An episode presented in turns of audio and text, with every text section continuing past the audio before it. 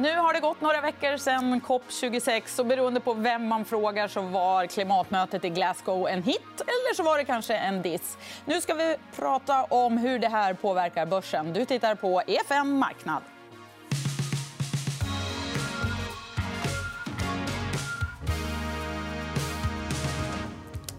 Roger Josefsson, hållbarhetschef på Danske Bank. Vad säger du? Hit eller diss? Eh, ja, men någonstans ändå hit. Liksom. Det var bättre än förväntat, även om det är sämre än nödvändigt. Det är, liksom, det är väl så det ja, varför, varför säger du usch? Då, liksom? Nej, men alltså, vi behöver göra så mycket mer. Och de hade kunnat göra så mycket mer. Nu har man tagit viktiga steg. och framför allt när det gäller att eh, skapa grunden för en gemensam internationell koldioxidprismarknad. Och det är liksom, eh, skulle jag vilja säga, den kanske allra viktigaste eh, utkomsten från COP 26. Mm. Vad, I förlängningen, då, hur påverkar det här svenska företag? Eh, det kommer att påverka svenska företag jättemycket. Eh, problemet är att folk har nog inte riktigt tagit in liksom hur mycket. För vi har ju ett Parisavtal att förhålla oss till. Och det är en och en halv grads uppvärmning. Och då kan man faktiskt räkna baklänges och se hur mycket koldioxid kan vi då släppa ut. Och räknar man då baklänges, vilket väldigt många ekonomer redan har gjort, så hamnar man ju liksom någon sån prisintervall. Hur högt ska det här priset gå? Just nu ligger det ju strax norr om 65 dollar eller euro per ton. Då, om man tittar på Europa. Men tittar man på det långsiktigt och fram till 2030 då kan det stiga långt över 100 och en del såna estimat går upp mot 1000 och till och med 3000 dollar per ton. Och då, då får det såna enorma effekter, inte bara för ett bolag utan för hela värdekedjor. Så det här är liksom det vi har startat grunden för. Och det är därför det är så viktigt när man sitter och tittar på finansiella marknader att man har koll på koldioxidpriset. Mm. Och just nu så hovrar det kring rekordpriser, eller hur? Ja, efter COP26 och just den här överenskommelsen så steg det faktiskt över 65 euro per ton eh, och har stigit ytterligare lite grann efter det. Men jag förväntar mig att det här, är liksom, det här kommer att fortsätta göra de närmaste åren. Mm. Det här kanske man skulle investera i? Ja, man kan redan investera i det. faktiskt. Eh, jag tänker inte rekommendera någon annan plattform än min egen. förstås. Eh, men, men, eh, men det går redan nu att investera i det. Det som jag tycker man ska ta med sig som investerare det är väl att fundera lite grann på vad händer när koldioxidpriset då stiger sig under de närmaste tio åren upp på en bit över 100 dollar per ton. Det är klart att det är rätt många företag i Sverige bland annat som kommer få det rätt kämpigt. Då. Vi har ju rätt många stora utsläppare trots allt. Mm. Det är vad säger man, 27 svenska företag som står för över hälften av utsläppen i Sverige. Ja, lite drygt till och med. Ja. Eh, vad, vilket ansvar har då svenska företag här? Eh, nej, men svenska företag eh, har ju ett ansvar så till motto att de är en del av liksom ett gemensamt samhälle. och allt det där. Men det här har ju varit en av problematiken när det gäller just klimatförändringar. Att det, är ingen som, det har liksom inte kostat någonting någonstans. Och det är just därför koldioxidpriset är så viktigt att vi börjar få det och att det liksom priset på alla typer av varor och tjänster. För när det gör det då kan vi sätta det i en vanlig investeringskalkyl och då får det liksom helt plötsligt liksom ett utfall på resultaträkningen. Och det är det som behövs för att driva just klimatfrågan. Mm. Hur pass eh, följer länderna det här, tror du? Då? Kina, Indien? En svår fråga. Eh, ja, svår. Men samtidigt kan jag säga att det, jag tycker någonstans att EU faktiskt gör väldigt mycket rätt i den här frågan. Det, de, det EU säger just nu till exempel, det är att ja, men om ni inte sätter upp ett system som ser ut som det vi har i Europa då kommer vi lägga en klimattull på importen från er på till exempel eh, stål, aluminium, gödsel etc. Och det här kommer ju antagligen expanderas under de närmaste åren också. Så vad EU gör tvingar de facto många andra länder, däribland Kina, Indien, USA etc.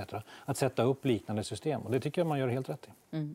Om vi går tillbaka då till de svenska företagen. Vilka mm. trender då, hållbarhetstrender har vi där ute som eh, berör svenska bolag? Eh, alltså så här, svenska företag generellt sett skulle jag säga är ganska långt fram i de här frågorna. Förstås. Många av våra detaljister som finns överallt är ju speciellt duktiga. Skulle jag säga. Och sen har vi förstås det här fossilfria stålet och vi har också en, nu någon form av batterikluster. Får man väl kalla det också. Så, så svenska företag är ganska långt fram. Men jag tror man, man ska vara väldigt vaksam på helt enkelt just det här med att priserna på att släppa ut generellt kommer stiga kraftigt. Och jag tror också att många företag som kanske inte direkt känner sig drabbade av det här här kommer att få, få känna av liksom klimatförändringens effekt via till exempel att det blir mycket högre insatskostnader etc. Mm. Och det måste man också ta in då i de här kalkylerna och man bör också börja prissätta företagen. Elpriset, då, hur spelar det in? Elpriset är ju jätteviktigt. Och eh, nu, kan man ju, eh, nu vet jag inte om vi ska diskutera det idag, Petra, men mm. det är mm. klart att vi kan fundera lite grann på är det här, vems fel är det, brukar det alltid heta. Och eh, jag, jag skulle vilja säga så här, det är inte, det är inte klimataktivismens fel, utan tvärtom. Det som, det som har hänt och som har drivit fram det här har ju snarast varit att vi har använt oss av en massa kraft, till exempel kolkraft i kontinentaleuropa, som är ganska dyr att tillverka. Vind, sol etc. är ju faktiskt på marginalen billigare än de här energislagen. Så det som man har missat nu det är ju faktiskt att investera tillräckligt mycket i de här förnybara energislagen. Mm. Så det hoppas jag verkligen kommer framöver. Men att vi i Sverige har så höga priser det hänger mer samman med att vi faktiskt tillhandahåller grön energi till kontinentaleuropa. Mm. Och det tycker jag vi ska vara både glada och stolta över för det bidrar ju faktiskt till att vi får lägre utsläpp från kolkraftverk i, i kontinentaleuropa. Mm. Och om man då tittar, vi, du har ju tidigare också varit chefsekonom för Danske Bank, så du har ju ett brett eh, spektrum. Och, eh, jag har ett helt ark här med frågor som har kommit till dig. Men om vi börjar med, finns det några branscher som du tänker är eh, vinnarbranscher här framöver?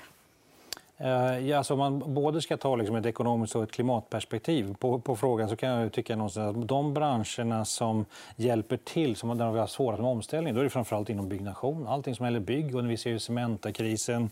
Eh, och en, en fråga som jag tycker är helt relevant idag faktiskt, det är vad är det vi tänkt att vi ska bygga med? För tittar man på vad EU säger så gillar de inte cement, i alla fall inte så som den ser ut idag. Och de är inte heller jätteförtjusta i att bygga i trä.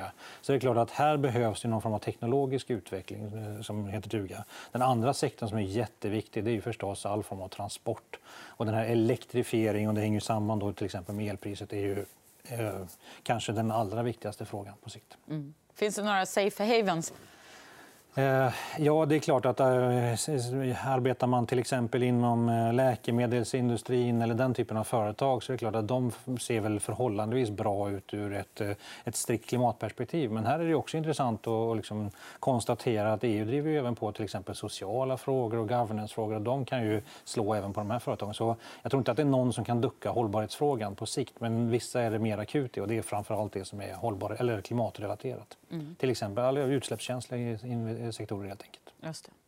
Vilket tillväxtland där framöver har bäst förutsättningar de kommande tio åren? Skulle du säga? Eh, jag tittar man på de kommande tio åren då är det som det alltid brukar vara. Med att det, är företag, eller företag, förlåt, det är länder som givetvis har institutionella förutsättningar på plats. Till exempel de har en hög utbildningsnivå i, i, hos befolkningen etc. Så här brukar ju till exempel Sydostasien eh, och före detta kommunistiska diktaturer brukar ju alltid ligga bra till den där typen av, av Vad av pratar mätning. vi liksom... Ja, jag vet att en av, en av dina kollegor driver ofta på Vietnam. Som är, ja. Det är klart att Vietnam ligger, ser faktiskt rätt så bra ut. De har en hög utbildningsnivå tack vare att man har haft liksom en bra utbildningssystem och, så där, mm. och har fortfarande en väldigt mycket catch-up att göra i förhållande till de andra asiatiska ekonomierna.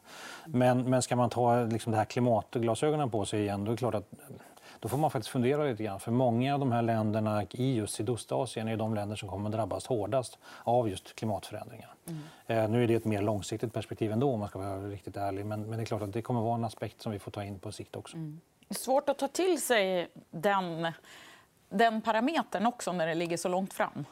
Uh, ja, och igen, det är därför jag tycker att det är så viktigt att vi börjar använda oss av det här med, med koldioxidpriser. För det gör det mycket mer konkret, det gör det mycket mer påtagligt.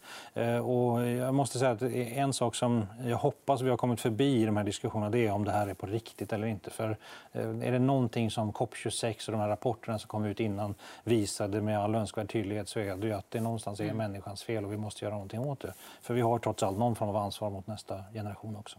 Mm. En annan fråga. Då. Eh, kommer 2020-talet att kännetecknas av mest låga räntor och hög inflation? Och i så fall varför?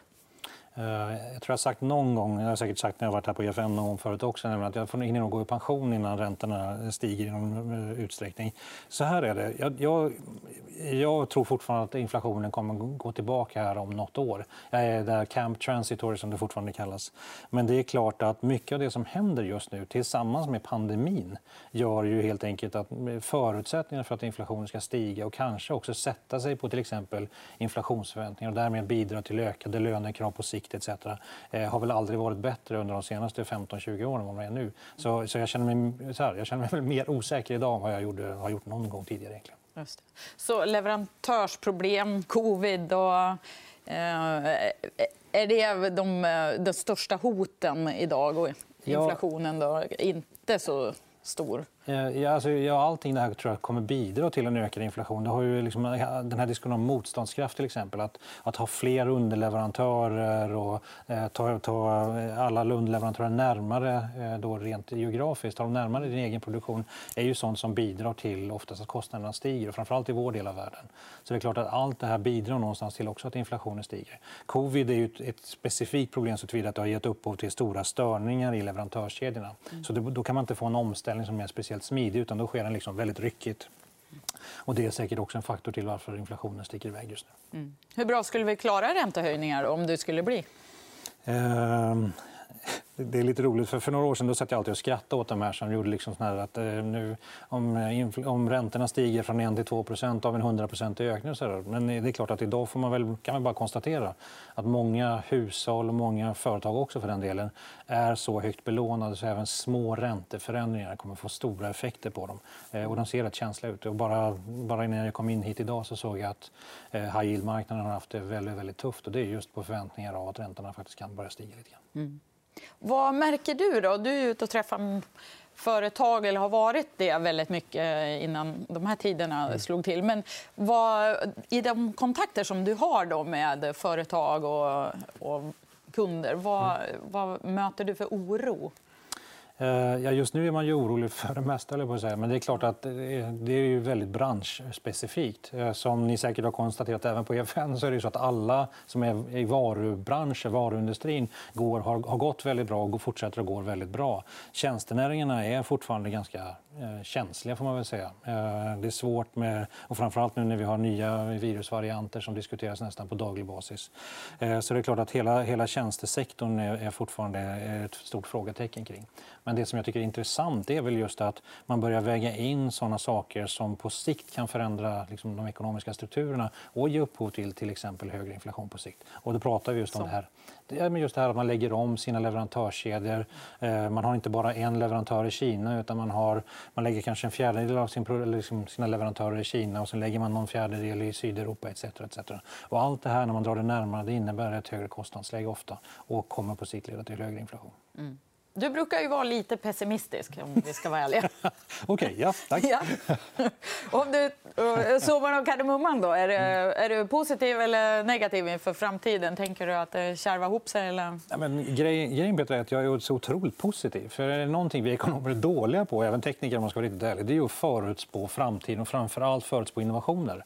Och ska man vara riktigt ärlig, att när vi tittar på de här klimatmodeller och allting sånt där, så förutspår de ju ofta såna små inkrementella ökningar i innovationstakt och produktivitetsökningar. Men det som ofta sker, och framför allt när vi har så här stora problem, är att vi får såna här step förändringar. Och de är vi sjukt dåliga på att förutse. Och det har redan hänt i till exempel om man tittar på energigenerering med solkraft och vindkraft etc. Och nu hoppas jag bara att det händer inom till exempel batteritillverkning och så också. Mm. För vi hoppas bara att det är ett svenskt företag som står längst fram där någonstans. Ja, det får vi hoppas. Det gör vi. Vi, har en, eh, vi hinner inte med så många tittarfrågor, men utsikterna för dollarn under 2020-talet? Det här är de stora frågorna. verkligen. Ja. Eh, ja, det finns ju flera. Jag antar att frågan mycket handlar om det här om dollarn fortsatt kommer att ha den här speciella statusen som den har haft. Och det är klart att eh, tittar man på vad som har hänt nu under de senaste liksom, månaderna så, så, har ju en del av de här så kallade safe haven-flödena inte bara varit till dollar utan de har också i hög grad varit till exempel till, till japanska yen och så vidare. Nu vet jag inte riktigt varför jag, det, den skulle vara så mycket säkrare men det sker en viss diversifiering mm. i de här safe haven-flödena helt klart. Det som jag fortfarande väntar på det är ju att man ska börja titta ännu mer på fundamenta och konstatera någonstans att även små länder som till exempel Sverige, Norge, eh, Danmark också har faktiskt fantastiskt fina statsfinanser och liksom ser långsiktigt hållbara ut på egentligen alla sätt. Och är dessutom inte känsliga för liksom, mm. speciellt liksom, räntehöjningar, i alla fall inte från, från statsfinansernas sida. Mm, så vi, vi är lite bubblare där?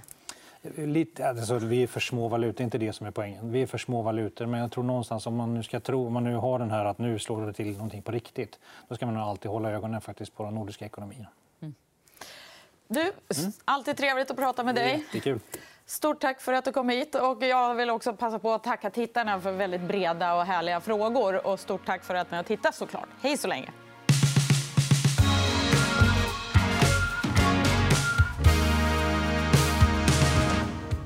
EFN Marknad är en podcast från EFN Ekonomikanalen. Ansvarig utgivare är Anna Fagerström. EFN finns även som app. Där hittar du alla våra videoinslag som hjälper dig att göra det bästa av din ekonomi. Du hittar appen i App Store och Google Play.